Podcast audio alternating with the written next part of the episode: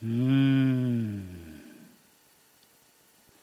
Hjernen syns det er irriterende få som velger å ta yrkesutdanning som irritator. Det er jo så utrolig lett å irritere andre mennesker. Og utdanningen er ikke spesielt lang heller, fram til et fagbrev. Irritator må være den glemte yrkesgruppen. Ah. Ja, Hjernen og stemmen kan ønske velkommen til eh, et nok et flåseri av laveste klasse. Jeg er stemmen, og jeg er den stemmen som uttrykker de rare og skrå og skrukkete og krøllete tankene som hjernen til enhver tid har eh, i, rullende rundt i skallen sin. Hjernen han er dumstum, altså han kan ikke snakke, så jeg må snakke for ham. Denne podkasten er en idiotisk liten pause i hverdagen, der du kan få en skikkelig tankeflukt og høre på rare ting som ikke betyr noe som helst. Ikke forvente gode fakta her, men fakta får du, om enn noe forvrengt. Ja, det er jo underlig det der at irritatorutdanningen har kommet sånn i glemmeboka. Det er jo fryktelig mange som praktiserer irritering. De går rundt og Ja, vi går faktisk rundt og irriterer hverandre støtt og stadig med alle mulige slags detaljer og småting og større ting. Det er bare det at vi nesten alle sammen er så fryktelig dårlige på det. Ja, altså, vi klarer jo å irritere, da, men vi, ikke, vi gjør det ikke på en faglig god og forsvarlig måte. Og det er jo det du kan få til med en skikkelig god fagutdanning som irritator. De siste 20 årene har eh, søknadsmengden til Norsk irritasjonshøyskole på Høgset eh, virkelig falt kraftig. Og de siste to årene har det faktisk vært til sammen 0,3 søkere. De er jo da de eneste som har orka å gå gjennom det irriterende lange og kompliserte søknadsopplegget for å komme inn på skolen. Opptakskravene er jo ganske tøffe, men burde være overkommelige. Eh, det er jo ikke bare det at eh, du må ha minst ti mennesker som har avvenna deg på eh, sosiale medier. Du må også ha venner som virkelig har avvenna deg i det virkelige livet. Helst en sju-åtte stykker, minst. Fordi du er så utrolig irriterende. Du må også ha et lite sett av faste irritasjonsmetoder som du bruker daglig, og gjerne flere ganger daglig, gjennom hele livet. Og det bør da være minst en sju-åtte forskjellige. Eh, ikke bare det å suge med tennene eller gjennom tennene, eller lage smattelyder mens du spiser, eller slurkelyder mens du drikker. Det er ikke nok. Du må ha noe mer. Det kan f.eks tygge på hår er ofte en relativt irriterende ting for andre å se på. Eller lage lyder som høres ut som du skraper isopor mot en vindusrute, eller, eller et eller annet eh, mot en tavle som lager sånn gåsehudfremkallende lyder. Det er også et godt utgangspunkt. Gjør det ofte. Gjør det hver dag. Flere ganger om dagen. Da er du på god vei til å bli en, en irritatorspire, en aspirant med et utviklingspotensial. Måltider er jo et veldig godt sted å starte hvis du vil bli irriterende for andre. Det er jo et hav av muligheter til forskjellige lyder og bevegelser og fakter. og Du kan f.eks. Ja, selvfølgelig, vi kan jo alle rape en del mens vi spiser, og da gjerne passe på at de har en del fukt og drikke, kanskje litt drikke og litt, eh, litt, mat i munnen, sånn at det spruter litt utover. Gjerne treffer naboen ved bordet ditt, eller svigermor, eller hvem det skulle være, midt i øyet. Matsprut kan også eh, brukes med en irriterende høy og umotivert latter på feil sted under samtalene rundt bordet. Vi har vært inne på høylytt slafsing og slurping, som jo er helt utmerket for å irritere. Du kan også eh, slafse med åpen munn, med masse mat i munnen, sånn at alle ser hva som rører seg rundt inni der. Og Da må du virkelig gape høyt, kraftige kjevebevegelser i slafsingen. De mest vågale av eh, irritatorspirer prøver seg kanskje på litt høylytt fjerting under desserten. Og gjerne noen virkelig grove og uanstendige og upassende vitser. Det kan også passe bra. Ja, Under måltidsgang kan du også passe på å søle, helst rødvin, utover bordet, eller aller best på en av de som sitter rundt bordet, og helst de som er best kledd og har de dyreste klærne. Saus er også fine greier å søle med, og du kan få andre til å søle, bare med å tilfeldig dunke borti de med albuen idet du svinger gaflene mot munnen, akkurat idet de skal ta et, en slurk av rødvinsglasset sitt. Hvis noe av måltidet består av rødbeter, så har du også en glimrende mulighet til å lage noen skikkelig herlige flekker på både duk og andres klær. Hvis du er i et større selskap og er plassert ved et bord, så pass på å prøve å finne en plass der du, der du må få mange til å reise seg hver gang du skal til eller fra bordet av forskjellige årsaker. Og da passer det jo selvfølgelig på at du har veldig mange grunner til å forlate bordet under måltidet. Hyppige turer på toalett, eh, hva det nå skulle være. En grei teknikk er også å stadig vekk sparke borti andres legger under bordet. Er du riktig frekk og har løstenner, kan det også være en eh, god irritasjonselement å ta ut løstennene og rense disse underveis i måltidet. På bordet. Foran alle andre gjester. Solid fyll med en masse høylytt snøvling og vrøvling er også utmerket hvis du skal irritere skikkelig. Spesielt i de finere selskap der alle stort sett holder seg klinkende edru og sitter pent og ordentlig ved bordet og i pene antrekk. Hyppige avbrytelser av andre er selvfølgelig perfekt, både ved middagsbordet og andre måltider, og ellers i tilværelsen. Møter og hva det skulle være. Seminarer, foredrag. Hvor som helst hvor noen skal ha ordet, og du kan bryte inn og kutte de av. Med et eller annet som er helt irrelevant og ikke på tema i det hele tatt. I middagsselskap er det også ofte en utmerket anledning til å holde tale, og da må du bare sørge for at den er utrolig kjedelig og altfor lang.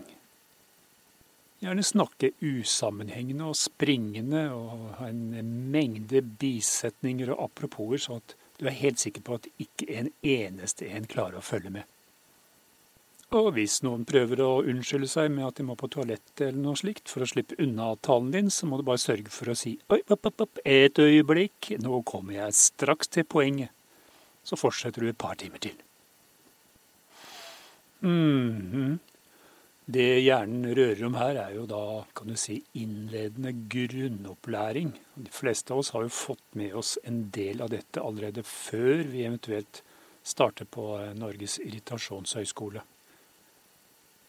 Dette er ting de kommer inn på allerede i første time på den første dagen på skolen under undervisning. Det er en utdanning som er fireårig, og da du også påfølges av tre år i lære før du kan gå opp til en avsluttende prøve og avlegge irritatorfagbrevet. Læreplanen er jo da innom en rekke situasjonsirriteringer. Du kan f.eks. Eh, ta trafikkirritering. Der er det også en mengde muligheter. Hvis du er ute og kjører bil, hvis vi tar det den type trafikk, veitrafikk, så kan du jo selvfølgelig finne på alt mulig rart som irriterer andre mennesker. Vi kan eh, ganske kort begynne med f.eks. det å skifte fil uten å blinke, for da kort tid etterpå skifte tilbake til den filen du allerede var i, uten å blinke. Og helt sånn i siste liten før noen smeller inn i deg. Veldig brå bevegelse med rattet, kaster deg over. Det er en glimrende irritasjonsgreie. Hvis du da også i tillegg slenger foten på bremsen og tramper hardt, sånn at det blir en skikkelig bråbrems, så har du virkelig gjort det. Da er det garantert en fire-fem stive fingre opp i været gjennom frontrutene. Det å blinke den ene veien, for så å svinge den andre veien, er også en eh, veldig fin teknikk for å irritere andre trafikanter. Og i det hele tatt å la være å blinke når du skal en eller annen vei i et kryss, kjempefint. Spesielt hvis noen står og f.eks. står og venter på at du skal passere før de eh, selv kan kjøre over veien. Når du da lar være å blinke selv om du skal svinge inn rett før de, slik at de kunne kjørt uansett når de så at du blinka ut. Men nå må de vente.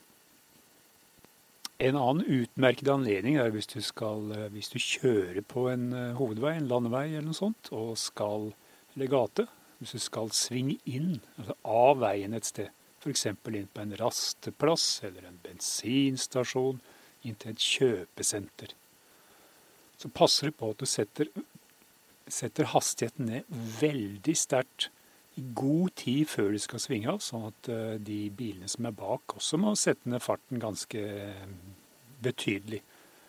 Og særlig effektivt hvis det ikke er møtende trafikk, sånn at de ikke kan svinge ut og kjøre forbi deg. Og Da trenger du heller ikke bruke blinklys. Du kan jo også gjøre det. Det kan kanskje noen ganger irritere enda mer. Så passer det på at du, du svinger av, og idet du svinger av, så stopper du når du har bare halve bilen ute av veien. Eller bare siger millimeter for millimeter fremover mens du ser deg om etter hvor du skal svinge inn foran pumpa eller eh, finne en parkeringsplass før du er ute av veien. Kjempeirriterende for andre bilister virkelig verdt å prøve.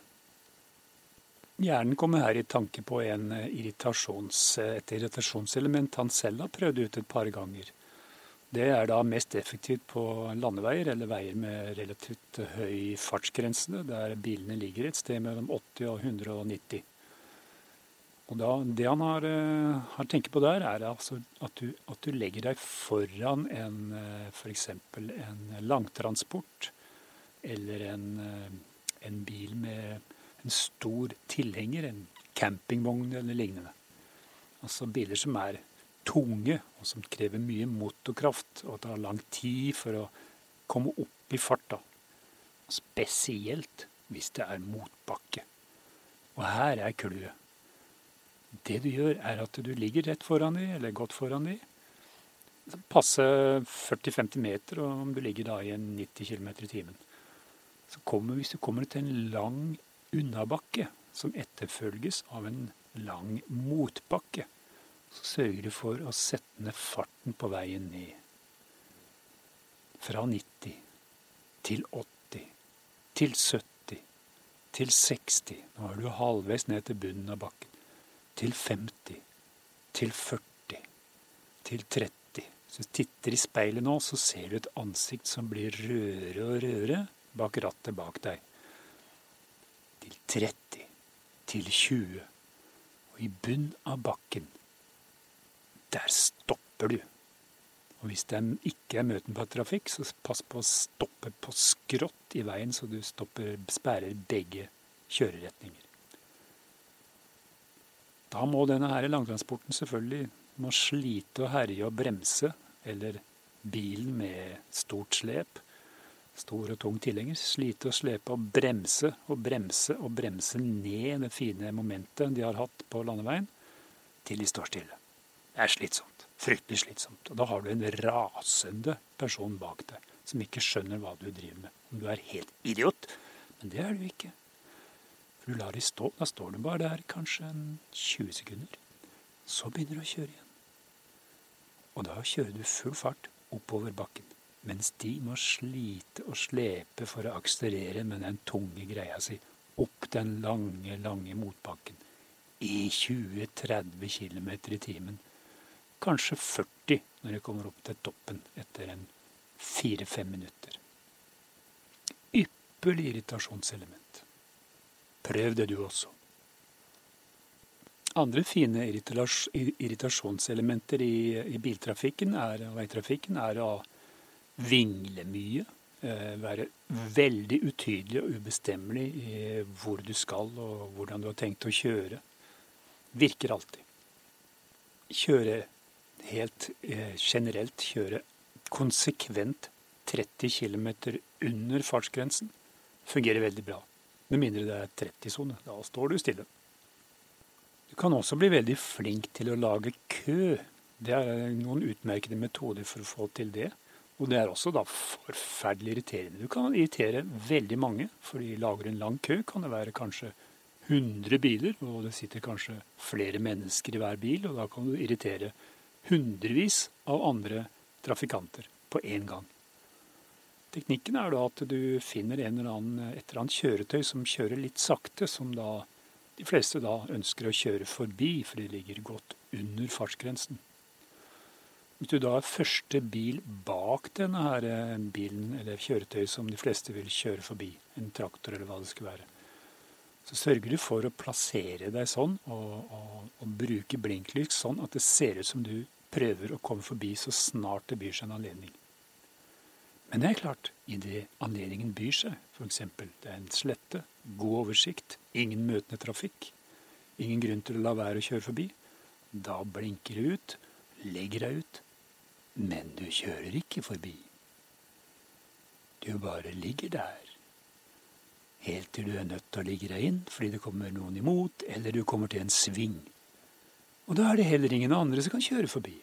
Så der kan du ligge, da, som kjøretøy nummer to bak et saktegående kjøretøy og blokkere all forbikjørsel så lenge du har lyst. Kjempeirriterende. Virkelig en vinner.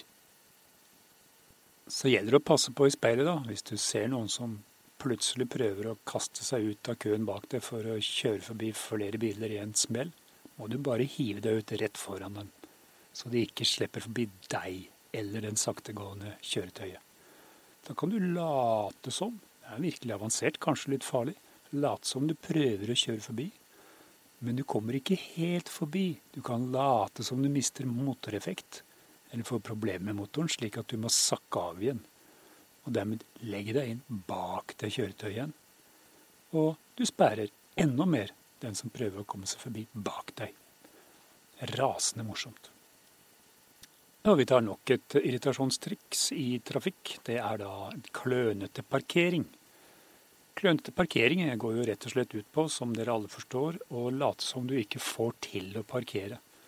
Og Da er det gjerne prøv å finne et sted hvor det er mye trafikk, så at du klarer å blokkere mye annen trafikk ved å være klønete i parkeringen. Da er det sånn at du klarer bare ikke å få pressa den bilen inn i den luka du skal ha den inn i, samme hvor stor den luka er. Du prøver om og igjen, på tvers og på skrått og alle veier, og langsomt, og får det rett og slett ikke til. Vanvittig irriterende. Prøv det gjerne i rushtida. Veldig interessant. Et annet triks i den samme retning, en variant, er klønete rygging med tilhenger. Der kan du også lage mye spetakkel.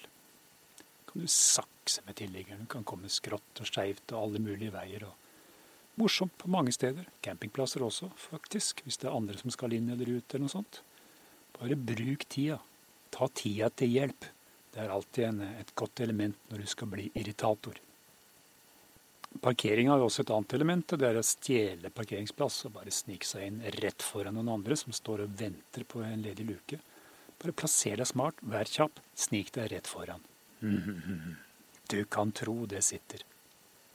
Det er også en eh, annen ting du kan prøve på. Det er da somling med å få passasjerer eller varer inn og ut av bilen mens du står et sted hvor det er vanskelig å komme forbi deg. Der kan du bruke utrolig lang tid. Så lang tid at du kan få topplokket til å sprekke på mange hoder av andre trafikanter. Hvis du nå gjør en av disse bevisste irritasjonselementene i trafikken, og du da får en av en eller annen måte eh, kommer i en situasjon der du har en dialog med den eller de du er irritert, at de f.eks. da står ansikt til ansikt med deg rett etterpå og prøver å kjefte på deg eller bebreider deg for hvor idiot du er, så har du en kjempefin anledning til å irritere de enda mer må være påståelig med at du ikke har gjort noe feil, men at det derimot er de som har oppført seg tullete i trafikken og gjort, brutt en masse trafikkregler. En garantert vinner. Det å late som at den skal kjøre eller kjører sterkt beruset, kan også være veldig irriterende, men det kan også virke veldig skremmende på andre mennesker. En fin variant på landeveien er å kjøre veldig fort på eh, rette, fine strekninger og veldig sakte i svingene. Så du får en skikkelig trekkspilleffekt i trafikken bak deg en nytelse å sitte bak rattet i sånne situasjoner, hvis du er en, en fyr som er glad i å irritere. Eller en kvinne, for så vidt, som er glad i å irritere. Umotivert bremsing i høy fart når du har mye trafikk bak deg, kjempefint. Bare kjapp napp bort på bremsen så det blinker i bremselysa. Så får du litt panikk rett bak deg. Suverent. Gjør det hyppig, men ikke for hyppig. Da kan det skje ting som du ikke vil skal skje. Men det er klart, hvis du har en eh, skade bak på bilen og gjerne vil ha det dekka på noen andres forsikring, så ja, da er det bare å juksebremse vei til noen smeller i deg, da. Det er en metode som også kan brukes i veikryss, der eh, den andre har vikeplikt, og du stopper og vinker de frem for at de kan kjøre. Du kan godt vente selv om du har vikeplikt. Og gjett hva de gjør når de kjører. Jepp. Der har du det. Trang parkering, kjent metode. Parker så tett inntil nabobilen med den høyre døra di inn mot den eh, venstre døra der føreren skal inn, at det er helt absolutt umulig å klemme seg inn der. Så liten avstand mellom bilene som mulig, sånn at det ikke er noe som helst sjanse for å få opp den døra. Kjempebra irritasjonselement. Eller hvis du ser en bil som har parkert tett på bilen bak seg, f.eks. på en rekke langs veien, parkering langs veien ved siden, på rekke etter hverandre, så kan du da, og det er god plass foran, så kan du da satse på å parkere der, hvis det er en luke der. Og parkere så tett inntil den bilen bak deg at det ikke er noen mulighet for den skal klare å komme seg ut, med mindre den bilen den selv har parkert tett på, kjøre først. Buss- og flyreiser gir jo selvfølgelig uendelige muligheter for irritering. Der er det mange slags varianter, og den kanskje mest kjente, eller en av de mest kjente, er sparking i stolseteryggen foran deg. Sparking og risting og være generelt urolig. Dippe ned seteryggen brått og brutalt idet den bak deg har et eller annet drikkende eller spisende, eller begge deler, på brettet foran seg. Sitte på setet nærmest vindu og stadig vekk måtte opp for å gå på do eller strekke beina.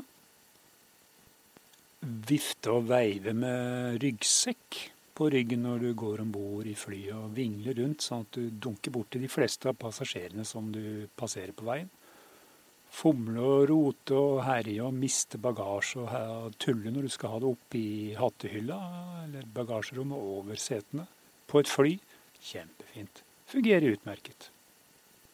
Sette deg i feil sete og bruke fryktelig lang tid på å forstå at du sitter i feil sete. Gjerne være veldig påståelig på at det er du som har satt deg riktig, og de andre som vil sitte der du sitter, som tar feil sperre midtgangen når det er mange som skal inn eller ut eller fram og tilbake. Suverent. Stiller deg opp eh, der det ser ut som du står i toalettkø, men du egentlig bare står og sperrer for at folk ikke skal komme seg på toalettet, og late som du prater med noen i setet der, f.eks. Bruke uhyggelig lang tid på toalettet. Så da Det er lurt å gjøre, særlig kort tid etter at det har vært matservering. Da er det ofte mange som skal opp på toalettet. Prøv å være først. Og eh, press deg inn der, og sitt og vær der inne og gjør hva du vil. Les ei bok, hør på noe musikk, ta armhevinger. Ja, det er kanskje litt vanskelig på et eh, flytoalett, men situps kanskje, på en eller annen måte. Bare driv med det du har lyst til å drive med. Bare sørg for at det tar lang tid. Og rett før du går ut, sørg for å legge igjen noe skikkelig skikkelig dårlig lukt, ikke trekk ned. Pass på at du væter mye papir som du da slenger rundt på gulvet og i vasken og alle steder der inne før du forlater toalettet. Gris gjerne med litt såpe også med det samme. Måltidene gir også her veldig mange muligheter som vi allerede har beskrevet i forbindelse med måltider, med søling på medpassasjerer og diverse lyder osv. Så, så kan du være den derre irriterende medpassasjeren som selv om den du sitter ved siden av, helst vil ha fred og ro, og jeg markerer veldig sterkt at de helst vil sove eller høre musikk, se på film, lese. At du ikke lar de slippe unna. Du har så mye du skal fortelle de, og du later som du spør de om ting, og så avbryter de midt i svaret for å fortelle mer om deg selv og ditt. Kjempefin teknikk. Gjør det gjerne på hele flyreisen på tolv timer til Brasil beina ut i midtgangen. Kjempefint når folk skal fram og tilbake til toaletter og andre ting. Og de kommer med matservering og betjeningen, eller hva det heter, flyvertene. Skal gå fram og tilbake med sine forskjellige ærend. Sørg for at du alltid har et par lange bein og noen digre sko ut i midtgangen hvis du sitter på midtraden. Eller ikke midtraden, men det setet som vender mot eh, gangelementet, eller gangveien, mellom stolene trykker ofte på knappen for eh, flyvertene for å komme med forskjellige ærender og spørsmål, dumme spørsmål helst, som virkelig kan irritere dem at du kan finne på å spørre om. Spør f.eks. hvorfor det ikke er firepunktsbelter på flyet. Og hvor er airbagene? Jeg kan ikke se noe merke for airbag noe sted her. Hvor bredt flyr vi? Hva var klokka i Hongkong på denne tida for sju år sia? Er det greit om du spiller litt eh, bowling i midtgangen her med reisebowlingsettet ditt? Eller kan du la ungen din sove opp i bagasjeboksen? Det fins alltid noe nytt som er dumt å spørre om. Når flyet har landa, så gjelder det å presse seg ut så fort som overhodet mulig. Prøv å komme ned forbi de andre passasjerene. Press på og press på og si at du skal av her, så du må slippe deg fram. Det er veldig fint. Alle liker det. Alle de andre passasjerene liker det. Eller gjerne at du står og tråkker på hælene og puster i nakken og har en fire millimeters avstand til den som står foran deg. Og tripper utålmodig og hoster og harker litt, gjerne. Det kommer litt saliver ut av deg samtidig, så de kjenner det virkelig bak i nakken der. Ekstremsnorking er også veldig effektivt, særlig på lange flyreiser og togreiser og bussreiser. Og de som går sent på kveld og natt, der de fleste ønsker å sove. Trå til. Dra saga. Alt, alt, alt du orker. Det å sige over på eh, medpassasjerens eh, skulder, som du da ikke kjenner, en person du ikke kjenner, sige over på det i søvne mens du snorker og sikler er et godt triks. Virkelig bare ligge der. Hvis de prøver å dytte deg opp, så siger du tilbake igjen. Pass på at du later som du sover, så de ikke tror at Du må være troverdig, så de ikke tror du lurer de. Irriterende er det lell. For så vidt, hvis de, du lar de se at du lurer de, så kan du kanskje irritere litt ekstra. Så det kan være verdt å prøve det òg. Møteknusing er nærmest en egen kunstart innenfor irritatoryrket. Her er virkelig mange forskjellige måter å ødelegge møter på.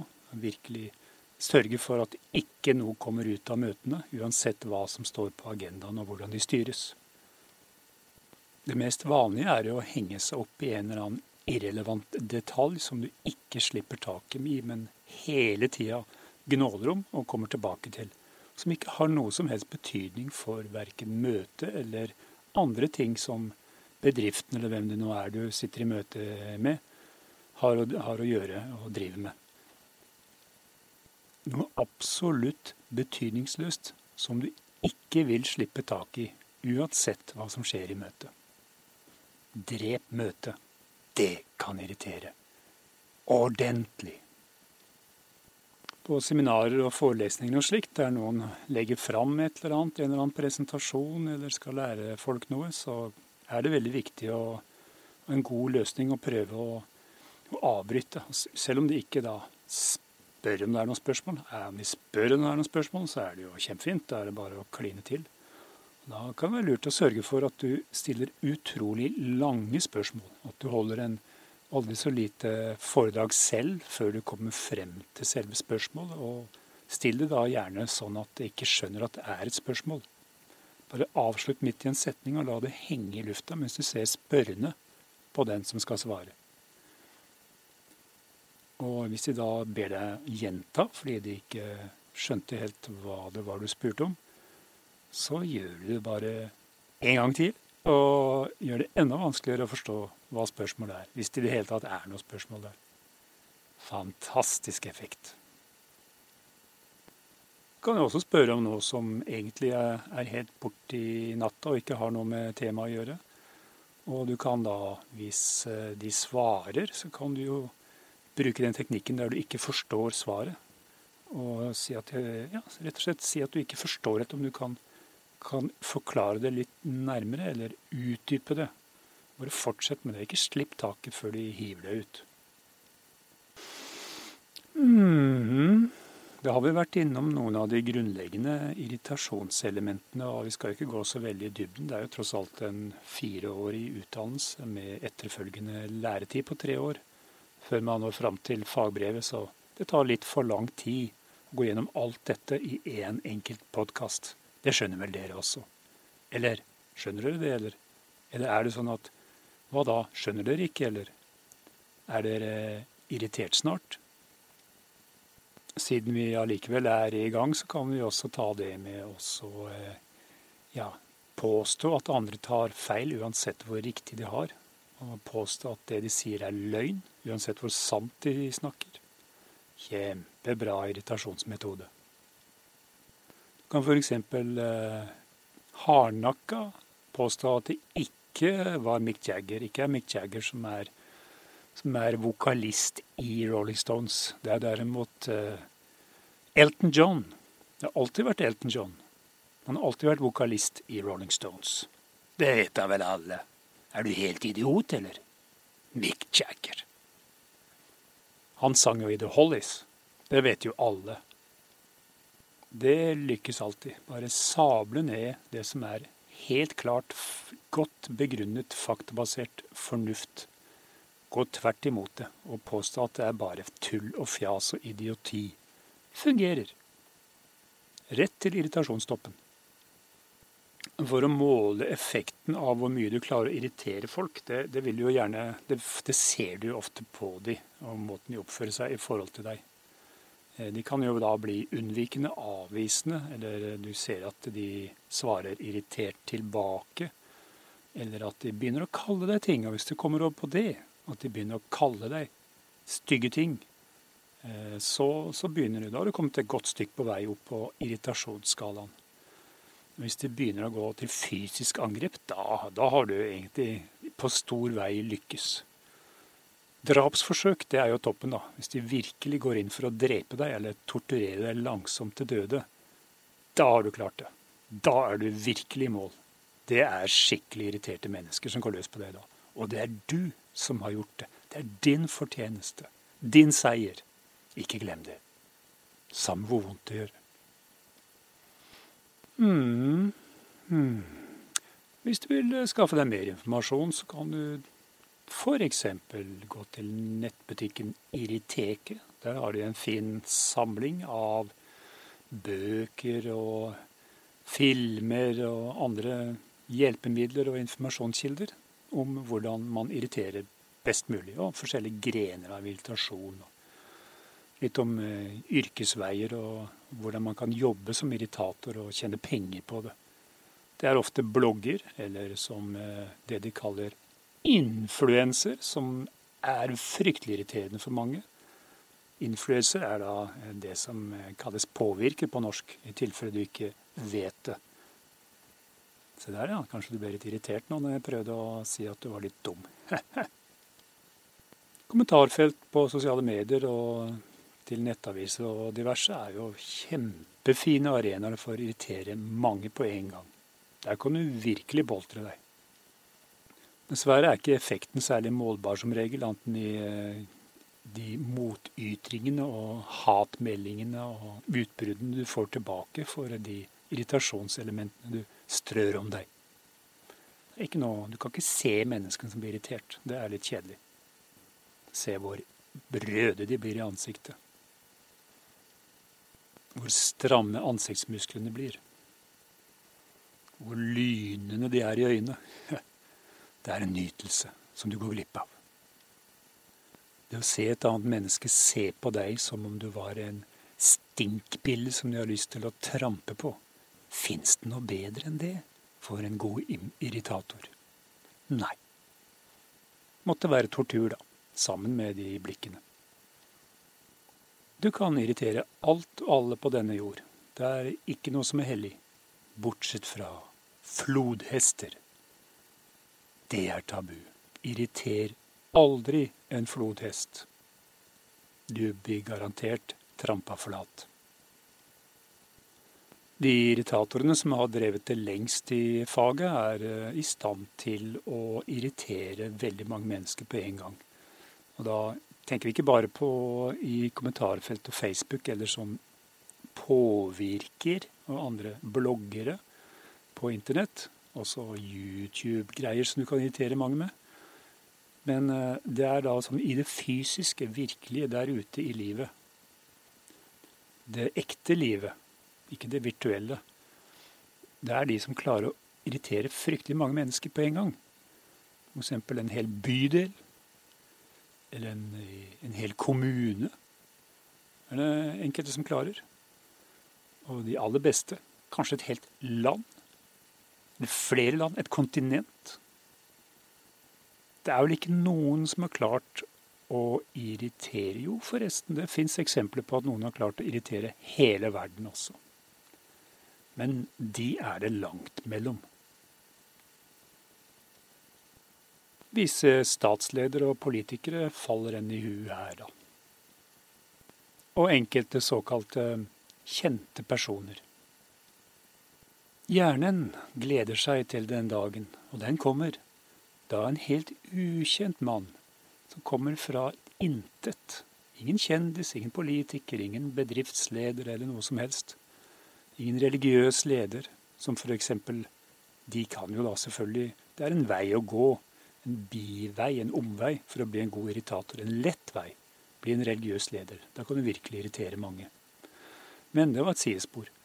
Det er ingen som har kommet foreløpig fra ingenting, men hjernen gleder seg til den dagen kommer. Der det kommer en fra ingenting som har jobba seg opp til å bli en, en ekspertirritator, en superirritator. Irritasjonens mestermester.